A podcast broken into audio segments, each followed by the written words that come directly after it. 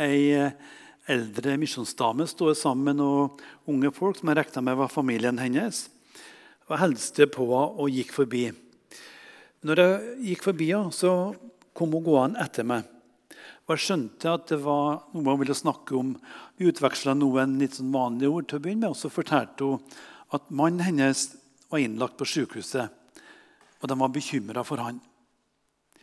Poenget med det her er at hun var ærlig med en krisesituasjon i heimen. Jeg tenkte å gå forbi, men hun kom for å fortelle det. For over 30 år siden så starta jeg som kretssekretær for Misjonssambandet i Oppland krets. Bodde da i Gjøvik.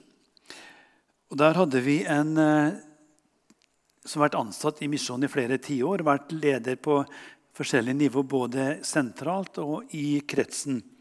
En dag kom han innom kontoret og så stilte han spørsmålet hvordan står det til. Og så svarte jeg som vanlig bare bra. Og så sa han det er ikke sant. Da fikk jeg meg en tankevekker. Når jeg svarte bare bra, så er jo det en frase som vi ofte svarer uten å tenke så mye over det. Poenget hans var at vi må være ærlige med hvordan vi har det. Siden da har jeg aldri sagt 'bare bra', men brukt noen modererte uttrykk i forhold til det. Og Vi skal dele sammen noen tanker i dag som eh, minner oss om livets utfordring. Og jeg tenker at Det er viktig at vi er ærlige på hvordan kristenlivet er, og hvordan vi har det. Det å få lov til å være en kristen det er jo det største privilegium som finnes i denne verden. Men det betyr ikke at kristenlivet er problemfritt. Vi har en god del utfordringer, ikke minst med oss sjøl, i det perspektivet der. Og I Matteus 16 skal vi ta med en par vers fra vers 24. Deretter sa Jesus til disiplene.: Om noen vil følge etter meg, må han fornekte seg selv og ta sitt kors opp og følge meg. For den som vil berge sitt liv, skal miste det. Men den som mister sitt liv for min skyld, skal finne det. Kjære Frelser, vi takker for ordet vi fikk dele sammen. Nå ber vi om at det må bli personlig og aktuelt for oss der vi er i våre liv. Amen. Hvis vi leser det kapittelet her i sammenheng, så ser vi foran at Jesus har en samtale med disiplene. Og Det starter med et spørsmål. Hvem sier folk at menneskesønnen er? Altså Jesus vil på en måte lodde stemninga av hvordan disiplene oppfatter at folk tenker om han. Så får han noe svar på det. Og så spør han direkte. Men dere, hvem sier dere at jeg er? Og Da måtte de jo tenke etter, og Peter var jo veldig kjapt framme denne gangen. Og han sier, 'Du er Messias, den levende Guds sønn'. Det er en av de flotteste vitnesbyrd vi har om Jesus i Nytestamentet og evangelia. Så går det litt tid. Om det er samme dagen eller en dag etterpå, vet vi ikke. For det er ikke så enkelt å se kronologien i alt som skjer fra Jesu liv. Men så begynner Jesus da å fortelle disiplene om sin lidelse og død. Og Da syns Peter at nå går det over styr. Og Så sier han til Jesus Gud fri deg, Herre. Dette må aldri hende deg. Og Så svarer Jesus. Men Jesus snudde seg og sa til Peter, Vik bak meg, Satan. Du vil føre meg til fall. Du har ikke tanke for det som Gud vil, bare for det som menneskers vil. Altså i det ene øyeblikk en av de flotteste vitnesbyrd vi har om Jesus. I neste øyeblikk så går den kjære Peter, som skal bli en kommende leder, i Satans ærende. Denne dobbeltheten her lever faktisk du jeg også i. Vi er ikke det slag bedre enn noen av oss som er her. Det er en del av kampen og utfordringa vår i det livet vi lever i.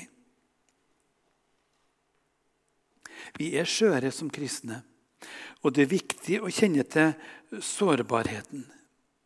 Det høres jo dramatisk ut når Jesus sier det her til Peter. Vik bak med Satan. Med en kommentar som, kommentar som jeg leser, så uttrykkes det, eller understrekes det at her er det på en måte som om Jesus både taler til Peter og til Satan. Når det gjelder kristenlivet, og når det gjelder det å være forkynner, så hadde det vært veldig greit hvis det bare handla om nådeperspektivet. Nå er jo det fundamentet, og det har vi hørt mange fine sanger om. Uten det hadde det ikke vært kristenliv. Men det er også en kamp i våre liv for å få lov til å bli i denne nåde. Jeg må likevel ta med en par ord fra efeserne som understreker fundamentet for vårt kristenliv. Men Gud er rik på barmhjertighet. Fordi han elsket oss med så stor kjærlighet, gjorde han oss levende med Kristus, vi som var døde pga. våre misgjerninger. Av nåde er dere frelst. Og så føyes det til. I Kristus, Jesus, har han reist oss opp fra døden sammen med han og satt oss i himmelen med ham. Fundamentet.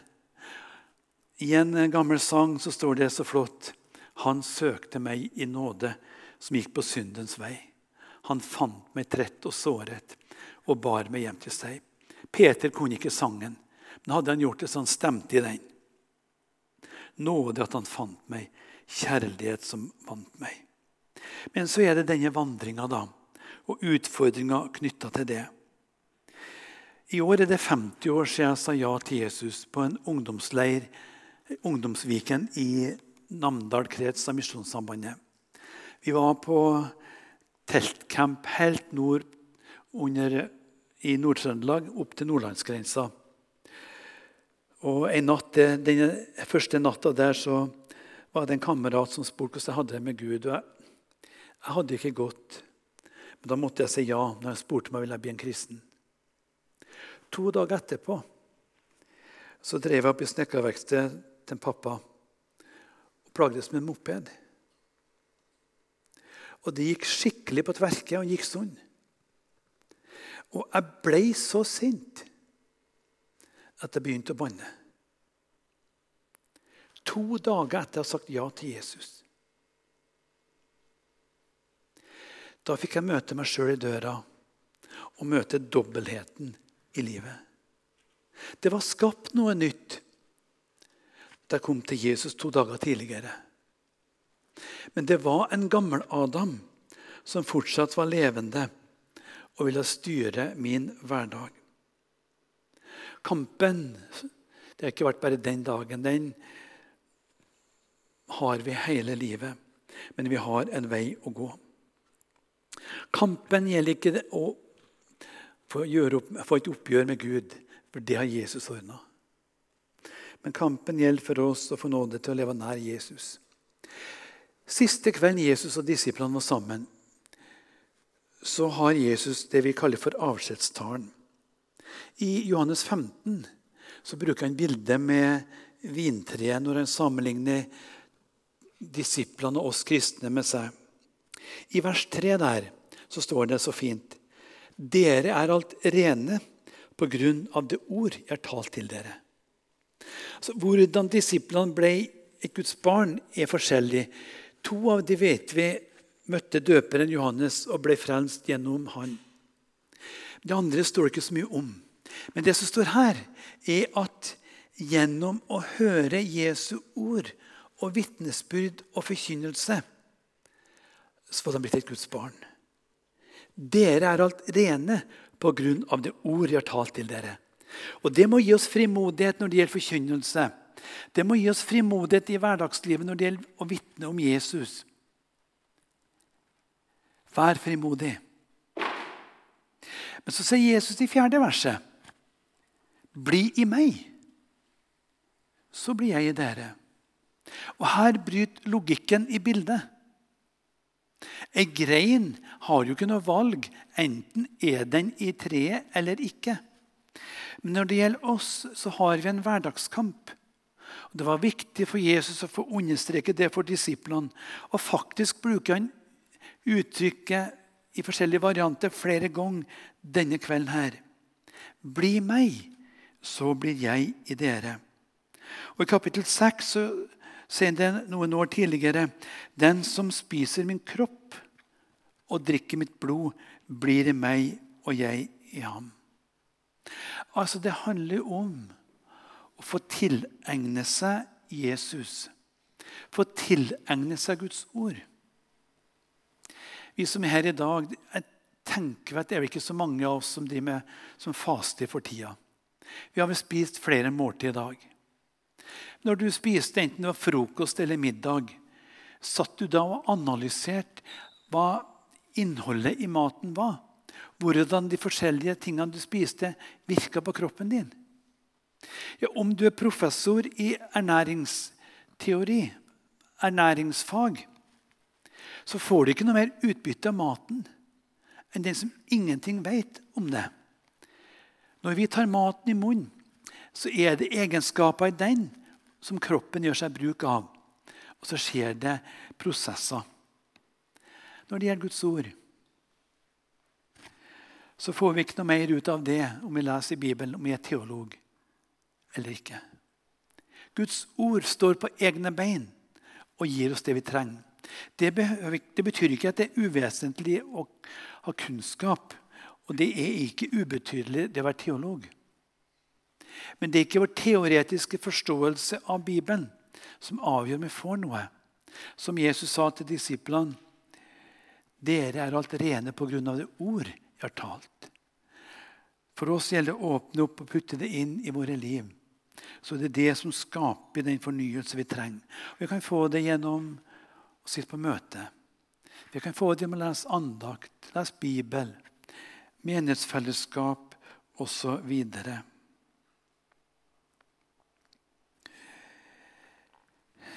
Tilbake til Peter.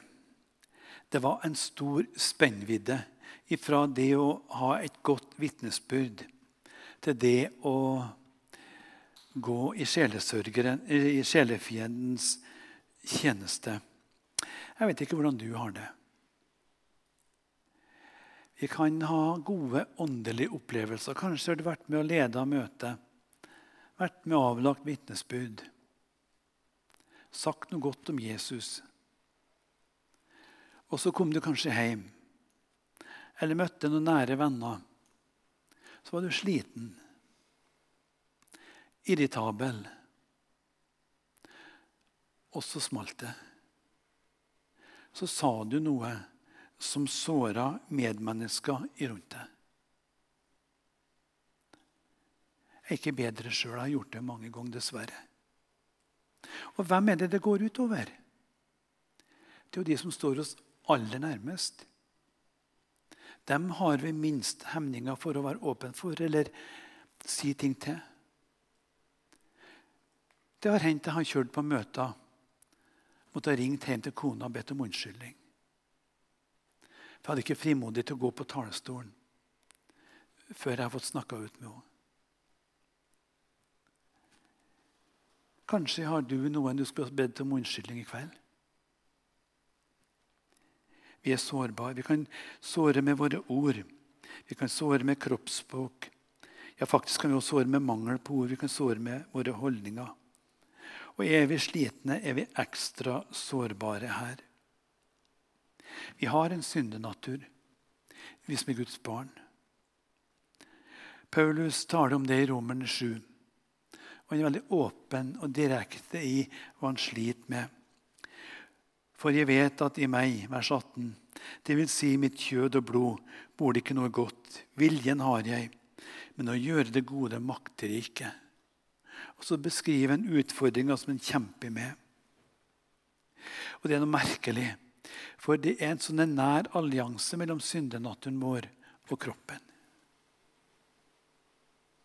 Vi liker det ikke, men vi må kjempe med det så er det også som jeg nevnte tidligere, skapt et nytt liv i oss. Det skjedde den dagen Jesus kom inn. Det nye livet trenger mat, og vi har snakka om hvordan det får mat. Og først og fremst er det det som gir oss nærvær med Jesus. Bli meg, sa Jesus, som vi har understreket flere ganger. I Salme 1 har vi et bilde som jeg vil ta med her. Salig er den som ikke følger lovløses råd, ikke går på synderes vei og ikke sitter i spotteres sete, men har sin glede i Herrens lov. Når det står lov her, så betyr det Guds ord, Herrens ord. Og gunner på hans lov dag og natt. Og så står det så fint. Han er likt et tre plantet ved rennende bekker. Det gir frukt i rett tid. Løvet ikke alt han gjør, skal lykkes. Du er planta ved levende vann her. For eh, noen uker siden så jeg et bilde på Facebook av et menneske som ropa til Gud. 'Må du ta til meg.' Og Det var tydelig at det mennesket hadde det vanskelig. Neste bilde var Guds svar Bibelen. Her taler Gud til oss. Her har vi alt vi trenger i alle livets situasjoner. Og så kan vi hjelpe hverandre ut ifra den erfaring vi har, hver enkelt. Så jeg har lyst til å minne om en ting til. Vår gamle natur kan aldri dø av underernæring i denne verden her. Det fins rikelig med næring til syndenaturen vår i vår hverdag. I rundt oss, i heimen vår, andre plasser. Og vi har veldig lett for å gi den føde, bevisst og ubevisst. Utfordringa vår det å få være åpen og nær vår frelser. Da vil den syndige naturen, gamle naturen få dårligere vekstvilkår. Og kampen for oss det er nettopp å få leve der. Så starta vi det med kristenlivets kors. Og Det virker så inkonsekvent. Og Her handler det ikke om Jesu kors. Jesu kors det var det som han måtte dø på for å åpne veien til himmelen for oss. Det var prisen Gud hadde satt på våre liv. Og Jesus var villig til å gi sitt liv for å berge oss. Når det gjelder vårt kors, vil jeg lese noen linjer fra en kommentar som jeg bruker, som heter Gullgruben. Sitt kors, sier Jesus, det er uttrykk for lidelsen som skal drepe selviskheten. Den kan gi seg uttrykk på forskjellige måter og former hos den enkelte. og Derfor må hver enkelt ta dem opp.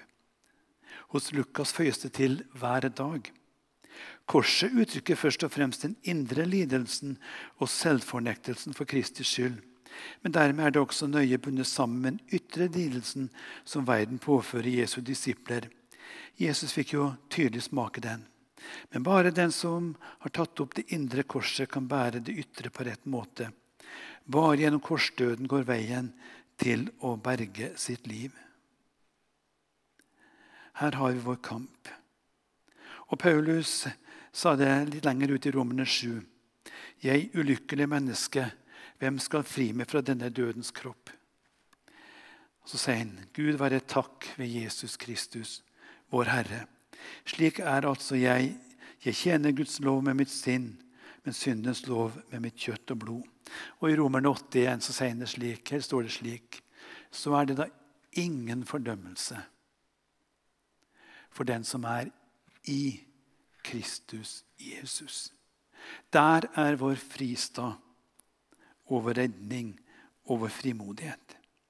Så kan det være fristende å prøve å flykte ut av denne kampen her. Men det er en farlig flukt. Asaf, en betydelig leder i den gamle pakt, sleit. Og han, eh, I sin kamp og anfektelse ble han opptatt av ugudelige eller ikke-kristne mennesker, for å bruke vårt uttrykk, da, rundt seg. Og Det så ut som de hadde det så greit og sorgfritt i sin hverdag, mens sjøl plagdes han. Men en dag kom han inn i Guds lys. Og Da fikk han se at de han sammenligna seg med, var som på en rutsjebane mot fortapelsen. Men han, han fikk se at men jeg blir alltid hos deg. For du har grepet min høyre hånd. Du leder meg ved ditt råd, og deretter tar du meg opp i herlighet. I en sang så står det slik Nærmere deg, min Gud, nærmere deg. Om det et kors en er som løfter meg, synes med veien trang, er det dog all min sang. Nærmere deg, min Gud, nærmere deg. Det er jo vår bønn, alle sammen, å få komme nærmere Jesus. Så det er en kamp her. Men vi har ei hand å holde i. Jesu hand. Den er naglemerka. Han vet alt om vårt liv. Han har alt vi trenger. Sammen med han så får vi styrke til å gå hvert et steg, både i gode dager og i krevende dager. Har lyst til å understreke Jesus har ikke glemt deg. Om du er i dag som lurer på om det er tilfellet du er ikke glemt. Og om du er i dag som er i tvil om du er en kristen, og lurer på om det er verdt å satse på noe sånt det er så brokete som vi har hørt om. Jesus er her og spør etter deg, og ønsker å dele resten av livet sammen med deg. Skal du ikke si ja til Jesus i dag? Han har sagt ja til deg. Og for oss alle denne Jesus skal vi få gå med i dag og dagene framover, som får oppleve. I en sang så står det slik Kom næra meg, du menneskebarn, kom næra meg. Du finner hvila i min favn, kom næra meg. Jag skapat himmel, hav og jord, og dukar nu for deg mitt bord. Kom næra, du som hungrar, jag vill möta dig. Kom nära, du som sorgsen är. Kom nära mig. Du som på tunge börder bär. Kom nära mig. Jag bar ett kors, en gång ett kors för dig. Så inderlig jag älskar dig. Kom nära mig, min venn, og jeg skal bære deg.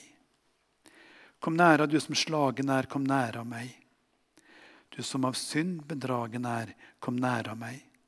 Jeg kjenner deg og har deg kjær. Se mine hender merken bær. Kom næra meg, min venn, og jeg skal hela deg. Amen.